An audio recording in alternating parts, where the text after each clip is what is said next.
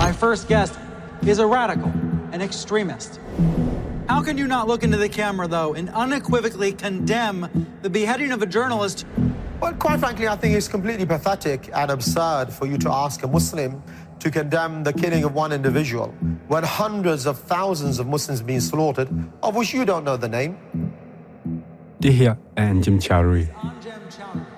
En mand, som af mange bliver beskrevet som den stærkeste radikalisator i Storbritannien, hvis ikke i Europa, og som for nylig har afsonet en terrordom for at opildne sine tilhængere til at støtte islamisk stat. you know, what took place on 9-11 or 7-7 or 3-7, I believe, in Madrid, you know, I can see that they have an Islamic justification. Mit navn er Thor Hamming, og du lytter til fjerde episode af Ekstrabladets podcastserie Homegrown. I den her episode skal vi høre mere om Anjem Chowdhury. Han er nemlig fuldstændig central for at forstå, hvordan det radikale miljø i Danmark nåede til det punkt, hvor Tim Dava fødes. Thor, vi sidder jo og kigger på Team Dauer. Øh, hvorfor er det, Chowdhury er, er vigtig i den fortælling? Det er han, fordi Chowdhury altid har været en vigtig person i det danske ekstremistiske miljø. Altså, vi så jo, hvordan forgængerne til Team Dava, de rejste til England for at besøge Chowdhury. Hvordan de over flere år modtog undervisning af ham, og hvordan de også har inviteret ham til Danmark. Og så ser vi jo også, at Team Dava nu faktisk gør brug af de samme metoder, som Chowdhury altid har, har talt for, altså den her street dava, hvor man kommer ud på gaderne og øh, snakker med folk, inviterer dem til islam, uddeler pamfletter og, øh, og ligesom møder folk for at prøve at, at, at konvertere dem. Så øh, på den måde ser man jo, at Chowdhury selv her i år 2021 betyder noget for det danske miljø. Så kan man sige, at, at Chowdhury så det frø, som Team Dauer springer ud fra? i høj grad, altså de har jo altid lyttet til ham, og det tror jeg heller ikke, de selv vil lægge skjul på. Det er en person, de ser utrolig meget op til. قد ألف بين قلوبهم وبحبل الله قد اعتصموا Skønt Team Dava først formelt blev etableret i april 2018, så har vi igennem vores research kunnet dokumentere, at gruppen ikke er et nyt fænomen. Det er blot den seneste gruppering, der udspringer af det i forvejen kendte ekstremistiske miljø i Danmark, og den trækker dermed tydelige tråde til tidligere grupperinger, også kaldet til islam. Så for at forstå gruppen, bliver vi derfor også nødt til at forstå historien, der gik forud for etableringen af Team Dava i april 2018. Shiraz, kendt som Abu Musa, han blev 34 år gammel. Og han døde i det velsignede område af Sham, der hvor mange profeter og sahaba er begravet. En mand, som er opfødt og opvokset i Danmark, men ender at dø i et velsignet område.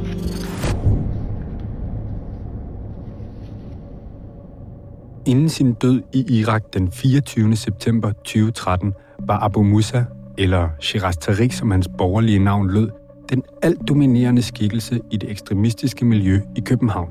Du har lavet en aftale med din skaber, og det er, du skal være muslim, indtil du mødes med din skaber.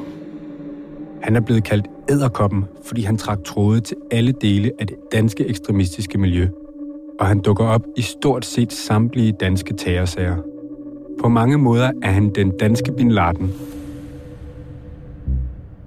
Det var Abu Musa, der var den primære mobiliseringskraft af danske fremmede krigere til Syrien. Vi er her for at få Allahs ord. Og så var han grundlægger og leder af gruppen Kaldet til Islam. Kaldet til Islam var den første egentlige ekstremistiske gruppering på dansk jord. Gruppen blev etableret i foråret 2010, men blev for alvor kendt i den bredere offentlighed i 2012. Det skyldes ikke mindst kaldet til islams mere offensive tilgang. Godt efter! Jeg vil gerne bringe jer en god nyhed! De gik på gaden med foldere og mikrofoner i forsøget på at rekruttere og provokere. Nyhed, der kan sikre jer paradis! En anden ting, der gjorde kaldet til islam særlig kontroversiel, var, at gruppens medlemmer fra 2012 begyndte at rejse til Syrien for at tilslutte sig hellig krig. Vi vil ofre vores liv, vi vil ofre vores penge, vi vil ofre vores sjæl, vi vil ofre vores familie, og vi vil ofre vores alza for islam. Og faktisk havde Abu Musa en plan. Hele kaldet til islam skulle flyttes til Syrien. Det projekt lykkedes Abu Musa dog aldrig med, og han døde selv i Irak i september 2013 i kamp for islamisk stat. Men ikke desto mindre var kaldet til islam den aktør i Danmark, der var ansvarlig for at sende flest personer til Syrien.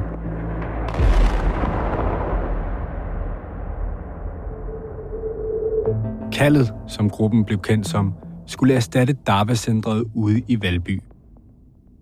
Darva-centret havde i årene forinden fungeret som centrum for muslimer med en mere radikal fortolkning af deres religion, som ikke følte sig velkomne i de københavnske moskéer. Men i 09 var aktiviteterne begyndt at dale. Vi er her for at oprette Allah subhanahu wa ta'alas ord. Abu Musa var selv med til at starte Darva-centret i 07 sammen med to andre. Men han kunne nu mærke, at der var behov for noget nyt. En formel, organiseret gruppe med ham som leder, eller Amir, som det er kendt i de her kredse. Og med inspiration fra en berygtet gruppe i Storbritannien med navnet Al-Muhajirun. For 20 years, it's poisoned thousands of minds. Support for Al Majroon is often a common thread for terrorist plots in the UK. Den linje, som Al-Muhajirun lagde, malede de kridtstreger op, som Tim Darba nu opererer ud fra. Den helt centrale skikkelse i Al-Muhajirun i nyere tid, og dermed en af de personer, som Team Darvas metoder i sidste ende kan spores tilbage til, er Anjem Chowdhury, som vi nævnte før. British Prime Minister David Cameron has called his views absolutely despicable and appalling. His name is Anjem Chowdhury. Chowdhury er en af de mest centrale skikkelser inden for de sidste 20 år i det radikale islamistiske miljø i Europa. En mand, der konstant befandt sig på den røde linje, når han propaganderede islam og omtalte andres terrorhandlinger i religionens navn. Ikke mindst fordi, at en lang række terrorsigtede og terrordømte personer har direkte tilknytning til Chowdhury. you know, what took place on 9-11 or 7-7 or 3-7, I believe, in Madrid, you know, I can see that they have an Islamic justification. Det seneste eksempel på Chowdhurys indflydelse går ikke længere tilbage end oktober i år, hvor en 25-årig mand ifølge flere britiske aviser dræber et britisk parlamentsmedlem efter at have set utallige af Chowdhurys videoer på YouTube. Hans aktivisme og evne til at tiltrække særlig unge til sin radikale tolkning af islam betød, at han i forbindelse med sin dom blev forbudt at være på sociale medier af de engelske myndigheder. Det, sammenholdt med hans fængselsstraf, medførte, at han i en lang periode forsvandt fra radaren og var ukontaktbar for omverdenen. Selv på de krypterede beskedtjenester. Men over sommeren dukkede der en besked op på min telefon. Det var i den krypterede besked-app Signal. Anjem Chowdhury bruger nu Signal, stod der. Og dermed dukkede den karismatiske radikalisator altså op på radaren igen. Kort tid efter skriver jeg en besked til ham og fortæller ham, hvem jeg er. Kan vi mødes og tale, spørger jeg. Min besked hænger i luften i lang tid uden svar. Men efter noget tid stillhed, lander en besked i min indbakke. Ja, vi kan mødes. Skriv, når du har over. Jeg sætter mig derfor på et fly til London.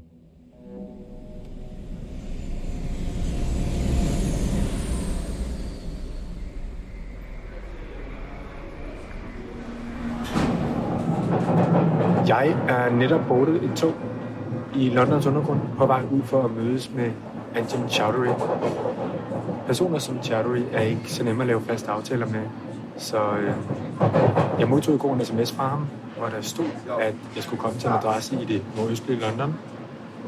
Han beskriver området som et sted, hvor der er en tankstation og en restaurant, og øh, der skal jeg stille mig.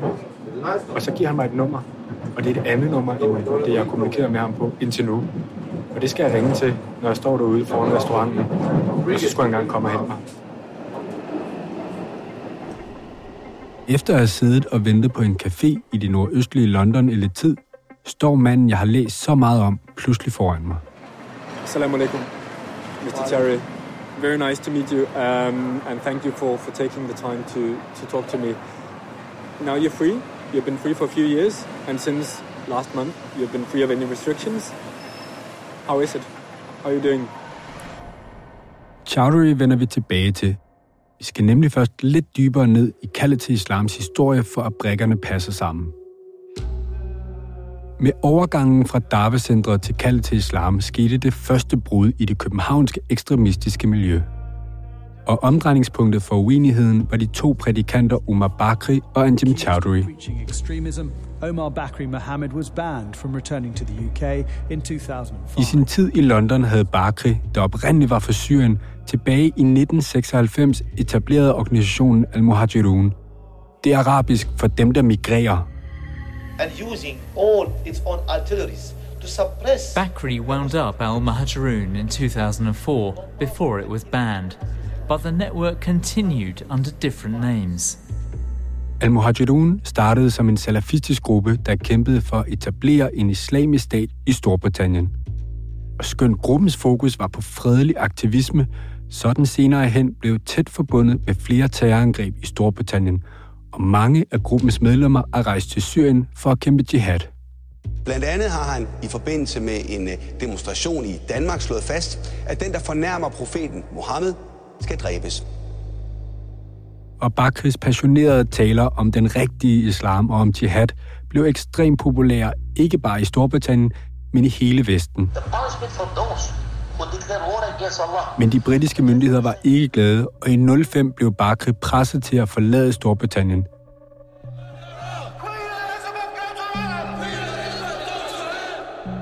Han flyttede i stedet til Libanon og overgav den daglige ledelse af Al-Muhajirun til hans næstkommanderende Anjem Chowdhury. This is his vision for the UK.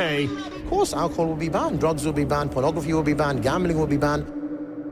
Og i juli 2014 offentliggjorde de deres støtte til islamisk stat. Spørgsmålet i det københavnske miljø var i hvilket omfang, at man skulle følge de to prædikanter. Vi er her for at oprette Allah subhanahu wa ta'alas ord.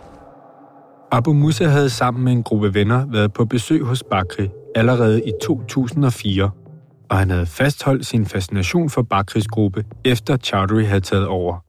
He believes that Islamic law known as Sharia should be implemented worldwide. Men flere af de ældre salafister, der også havde deres gang i Darwa-centret, var imod Bakri og Chowdhury og deres konfrontatoriske og fjendtlige stil. Men Abu Musa og hans disciple var tilsyneladende af en anden holdning. En holdning, som vores kilder fortæller, også eksisterer blandt nogle af medlemmerne i Team Dava. Og her vender vi tilbage til den lille fortorvscafé i London, hvor den berygtede Chowdhury står foran mig. Det første naturlige spørgsmål til manden var, om han har været i kontakt med den nyere danske gruppe Team Dava, siden han blev løsladt. You know, I, I, at the moment, you see, um, I'm not communicating with anyone because six years is a long time. I was in prison and uh, uh, in 2016, but when I was charged in 2015, I was restricted, you know, from the internet, and uh, I had a list of names I couldn't speak to. So really, since 2015, uh, about August 2015, I haven't been in communication with anyone. You know, a week and a month is a long time in the Dawa, let alone six years. Six years, everything can change. People may not want me to contact them. People may have been arrested. People may have, you know, changed. So I think in, in light of that, you know, I haven't communicated with anyone. You know, I've, I've made myself available. If anybody wants to communicate with me, you know, I'm available if someone wants some advice or someone wants um, some guidance. Men da jeg spørger ind til forbindelsen til Team Davas forgænger, kaldet til islam og til Abu Musa, er Chowdhury mere konkret. People from the group tell me that they learned everything from you. And they were hugely successful from 2012 onwards. And that success was down to uh, what they learned from you. What do you think about that? Well, I'm not accountable for what other people say and do. So, you know, I can't, I can't um, verify the veracity of what you say. But what I would tell you is that um, when Sheikh Umar Bakr Muhammad formed Al Muhajirun, there were already people like uh, the fellow you're talking about, Abu Musab and others, who were connected in Denmark. They thought, okay, he's the scholar, and you know, and this is what attracts people. It's the knowledge. It's not that you know the activities and things like that. So, And obviously, I was a student of Sheikh Bakr Muhammad as well. And I think it's just a continuation of that, really. Whatever you see today, or whatever you saw in those in those years, was a continuation of people before them who had learned from Sheikh Bakr Muhammad, who learned from me, learned from others. And you know, it's an ideological link. We had very little, if any, administrative uh, uh, uh, link. Nothing really, apart from the occasional invitation to go over there and address a conference or, or, or something like that. You know, on a day-to-day, on a weekly, or even on a yearly basis, there was no, no, no administrative link whatsoever. Of course. You know, they had their own administration, they had their own leadership, Sure. they had their own street dawah. You know, and uh, you know, I mean, there, there are even people in, in countries that I've never even uh, you know thought of who attributed themselves to Al Muhajirun, you know, who said that you know we're we're doing what you do, you know, we, we enjoy, it, we listen to all the talks, and you know, we, you know we love Sheikh Abu Bakr Muhammad, you know, and, and this is where we say the intellectual leadership is there. And I think in, in, so to a certain extent, Al Qaeda was like that. I mean, it's a phenomenon of uh, resistance.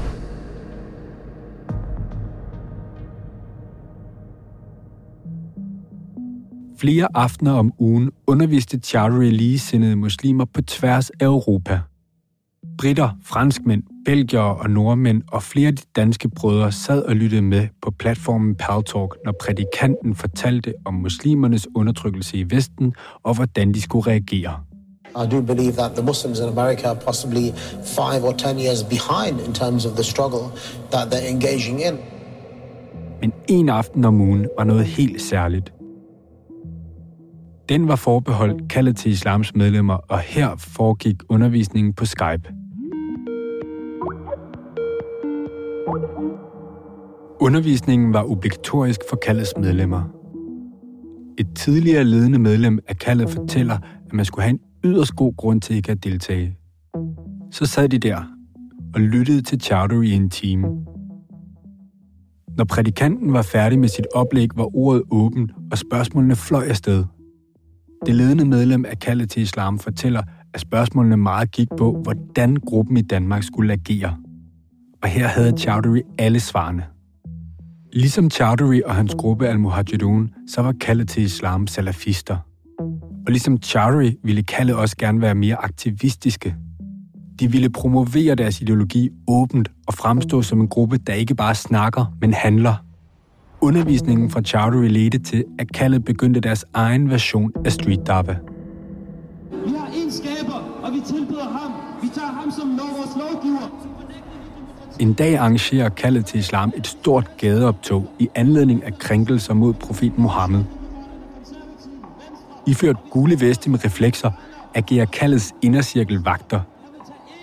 De stopper på den røde plads på Nørrebro, I hans lovgivning, i hans dom. Han benægter. Mens et par af arrangørerne taler, står den store menneskeflok og lytter. Nogle har medbragt flag med den islamiske trosbekendelse. Det er de samme flag, al-Qaida bruger. Andre står med skilte. På et af dem står der, den muslimske sejr er nær. Som et ledende medlem af kaldet til islam fortæller, så kopierede gruppen deres brødre fra England i alt, hvad de gjorde. Og provokationerne virkede. Hvorfor er I her i dag? Vi er her på i dag. Flere kilder fortæller, hvordan al opmærksomheden fra mediernes side fik medlemskabet til at skyde i vejret. Fra at være en lille gruppe på et par håndfulde i 2011, toppede gruppen med 52 medlemmer i 2012. De forklarer det som en direkte konsekvens af mediernes opmærksomhed. En kilde i gruppen fortæller, hvordan de elskede opmærksomheden, de fik, og aktivt gik efter den. De lærte fra Chowdhury, at dårlig omtale var bedre end ingen omtale. Men vi mener, det ikke er terrorister, det er muslimer. Men Abu Musa og hans brødre i kaldet til islam interesserede sig ikke kun for at lave street dava og demonstrationer. Ambitionen var større. De ville i hellig krig. Jihad. Da krigen i Syrien brød ud, så Abu Musa og kaldets medlemmer deres chance. Men det skulle koordineres rigtigt, og det var Abu Musa, der stod for planlægningen. En augustdag i 2012 sidder flere af kaldets medlemmer samlet foran et fjernsyn. Abu Musa, deres amir, skal vise dem noget. Det er en, en video med titlen Sværens Raslen 2, eller Salil al-Sawadem på arabisk, som netop er blevet udsendt af den islamiske stat i Irak.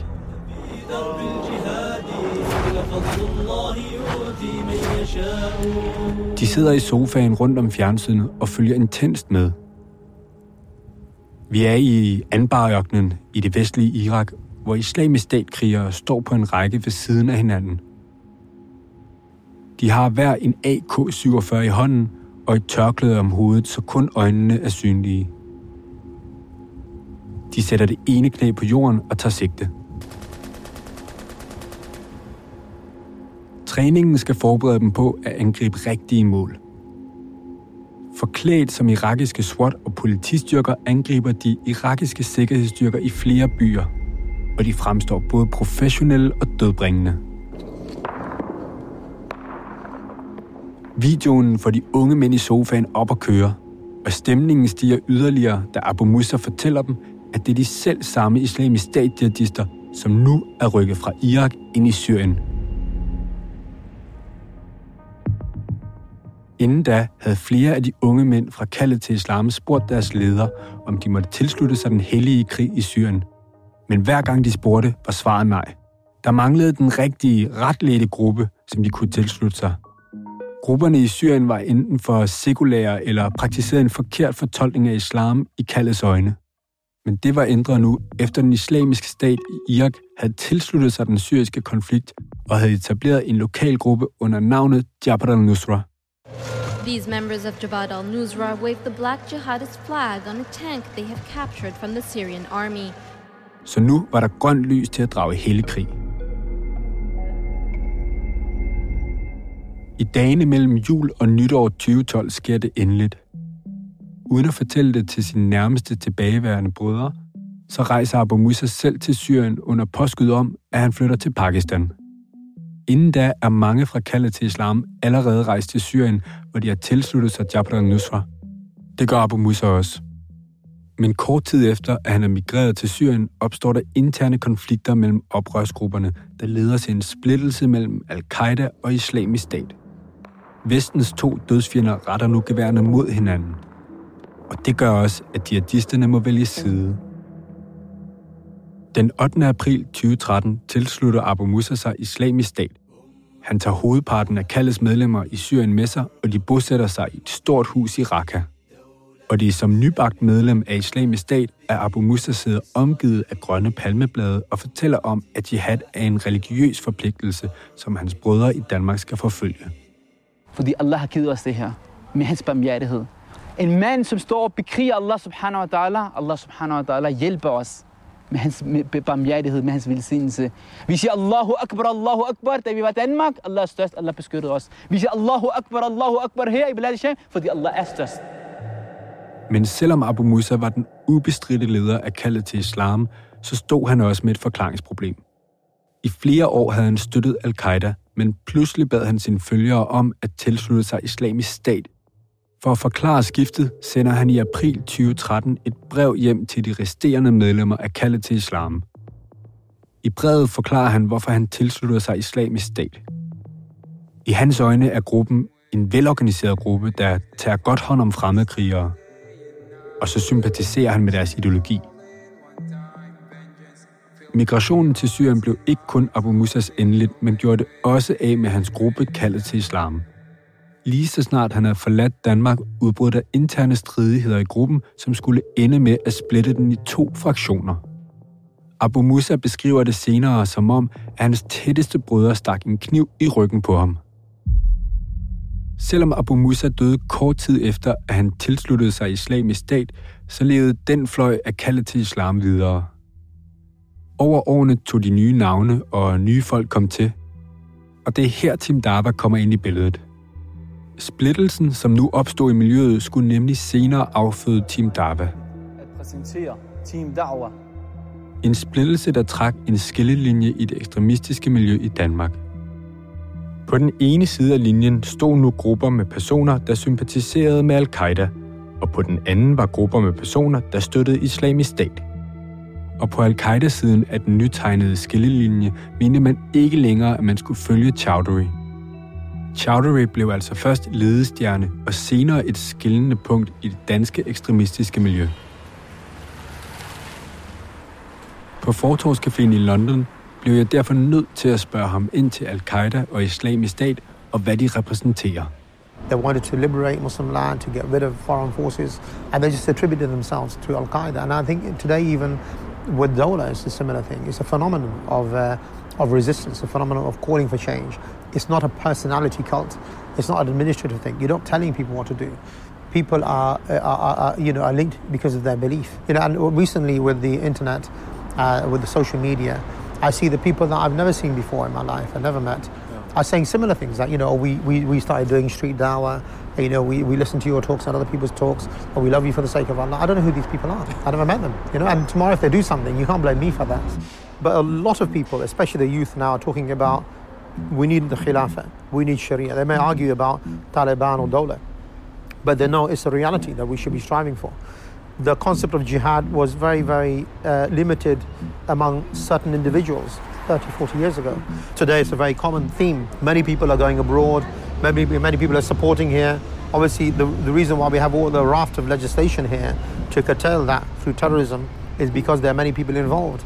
And I think that the, the, the level of conversation has, has been uh, raised from purely individual issues to more you know, global issues. And maybe the social media and internet is part of that. But this revival is uh, permeated, I think, throughout the whole of the world, including the Muslims in Europe. And obviously, I think what, what helps is that we are the fastest growing community as well. If you look at it indigenously, the majority of Muslims are young, from maybe 15 to 25 years old, and you know many we have more children than the non-Muslim you know uh, neighbors.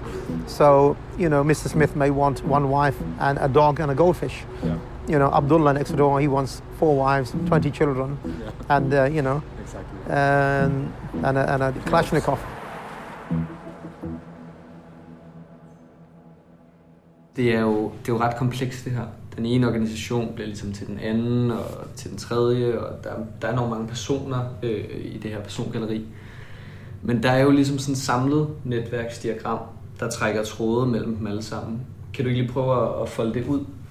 Jo, hvis vi kigger her, så kan vi se, at det hele startede med kaldet til islam, som i 2013 jo sprængtes indenfra i to grupper. Den ene, der støttede islamisk stat, og den anden, der støttede al-Qaida. Det, der så sker efter noget tid, det er jo, at der opstår en ny gruppe i 2014, som støtter islamisk stat, som hedder Milatu Ibrahim. Efter et par øh, hårde år med dårlig medieomtale, må den så ligesom stoppe, og så kommer der en ny gruppe, øh, der igen støtter islamisk stat, der hedder Sandhedens Vej. Og hvordan, hvis vi så ligesom skal trække den her tråd op til Team Dauer, altså hvordan, hvordan sker det så? Altså allerede i 2018, der var der ved at være behov for noget nyt, fordi lederen af den her gruppe, Sandhedens Vej, var rejst til Afghanistan, hvor han havde tilsluttet sig islamisk stat, som han senere døde for. Og som reaktion, så begyndte man så at etablere Team Dawa som den her første landsdækkende organisation, der gik ind for en mere ekstremistisk tolkning af islam. Du siger, der er den her skillelinje øh, i miljøet på en eller anden måde. Altså det, det bliver splittet i Al-Qaida og IS. Altså kan man ligesom, hvis man skal se det for sig, kan man så ligesom sige, at det ligesom er to fraktioner? I høj grad, altså der går virkelig en linje her, hvor du kan se, at du har de her grupper, Milato Ibrahim, Sandhedens Vej, på den side, der støtter islamisk stat, og så har du nogle andre grupperinger, som har været pro-Al-Qaida. I april 2014 går tre personer sammen om at etablere gruppen Milato Ibrahim. Det specifikke formål med gruppen er at videreføre den del af kaldet til islam, der havde sympati for islamisk stats kalifatprojekt. Og for folkene bag Mileto Ibrahim var Omar Bakri og Anjem Chowdhury stadig dem, man lyttede til. Derfor er det heller ikke overraskende, at det var folkene bag Mileto Ibrahim, der stod for at arrangere Chowdhurys besøg til København i 2014. thing is, I'm aware about the differences actually in Denmark. I mean, I was informed about it. But the, but the dispute among them happened behind the scenes and, you know, uh, between them. But I mean, you know, when, when they used to invite me occasionally to Denmark to do something, it was, it was, you know, it was more unity then. They didn't really show their differences when I was there. Chowdhurys første besøg til København var i juni 2014, hvor han skulle debattere Martin Krasnik i Deadline-studiet. This is Will bow down to the king of so, Denmark. So you, so But your are they still Muslims So, so, so what you're saying is that, well, sorry, Denmark or Britain will never be ruled by Islam. Oh, it will be ruled by Islam. Yes, it will. By all these Muslims who, who Not by, embrace, no, not by the embrace Muslims. Democracy, no, no, embrace by, by freedom. Muslims who believe in Sharia, who abide by it. Her var det folkene bag Milatu Ibrahim, der var hans vært, og som hjalp ham med at forberede sig til interviewet i Deadline. Bare et par måneder senere var Chowdhury igen i Danmark, denne gang inviteret af Radio 24 til at deltage i en konference på Charlottenborg. Hello? Hello? Hello? Is this uh, Anjem uh, Chodari? Yes, speaking. Uh, hello, this is uh, Frederick and uh, Rasmus calling from uh, Danish Radio 24-7, uh, Mhm. uh, Anti-Democratic Festival. Yes, I got your email. Yes, I'm sorry, I just woke up. Igen var det Milatu Ibrahim, der sørgede for Chowdhury og som tog ham med ud at spise på Nørrebro. Når Chowdhury rejser rundt i verden, har han altid et entourage af følgere med sig.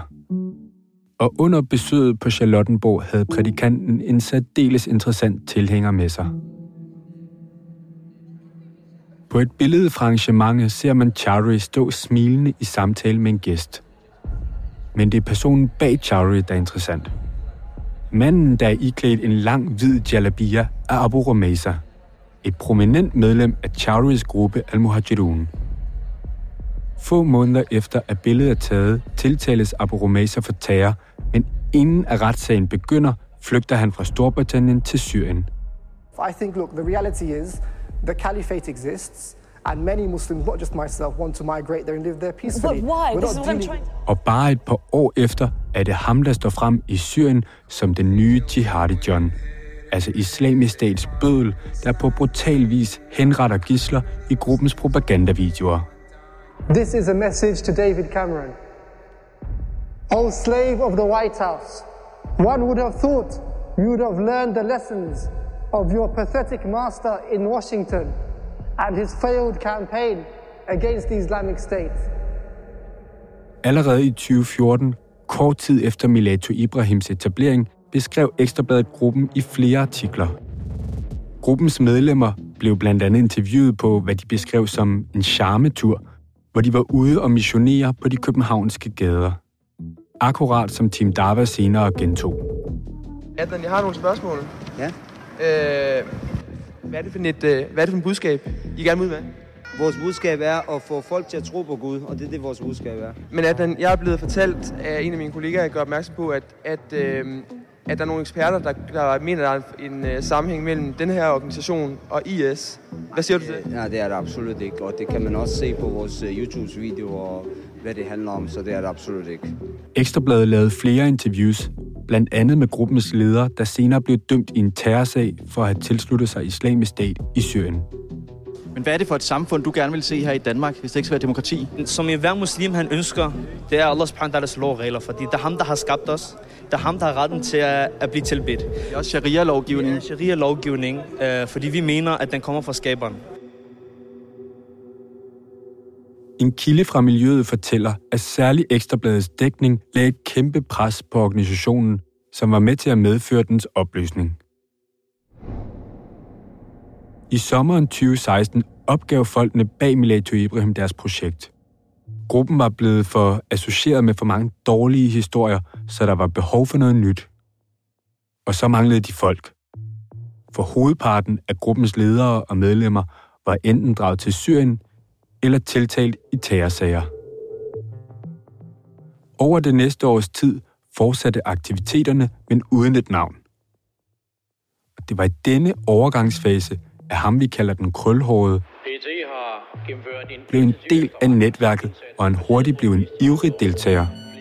En krypteret besked tækker ind på min telefon. Det viser en høj og tynd mand med et stort krøllet hår, der ligger fladt på jorden med hænderne bag om ryggen ved shoppingcenteret Fields på Amager. Han var få år forinden flyttet fra Jylland til Sjælland, og han havde derfor et stort behov for at indgå i nye sociale fællesskaber. Men netværket skulle hurtigt finde ud af, at den krølhårede, trods hans store engagement, ikke var en holdbar løsning som medlem af gruppen. Efter at have holdt lav profil i et års tid, hvor aktiviteterne var fortsat på nedsat styrke, men uden en organisation og uden et navn, så ser en ny gruppe dagens lys i maj 2017. Som erstatning for Milato Ibrahim etablerer en kerne af islamisk statssympatisører gruppen Sandhedens Vej. På deres billedmateriale på Facebook kan man se, at der er flere gengangere fra den tidligere gruppering, og kilder bekræfter der også, at det faktisk var en videreførelse af Milato Ibrahim under et nyt og mindre belastet navn.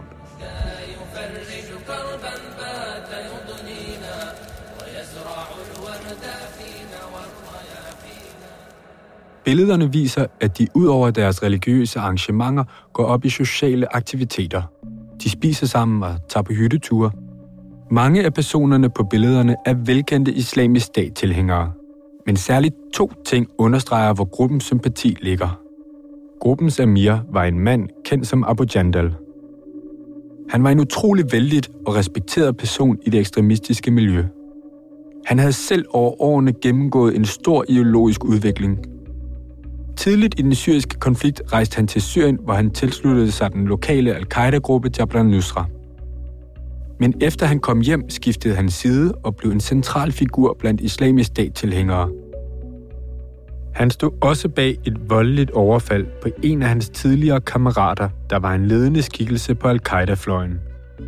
Og så udrejste Jonet igen, men denne gang til Afghanistan, hvor han tilsluttede sig og døde i kamp for islamisk stat. Den anden tydelige indikator er gruppens billeder.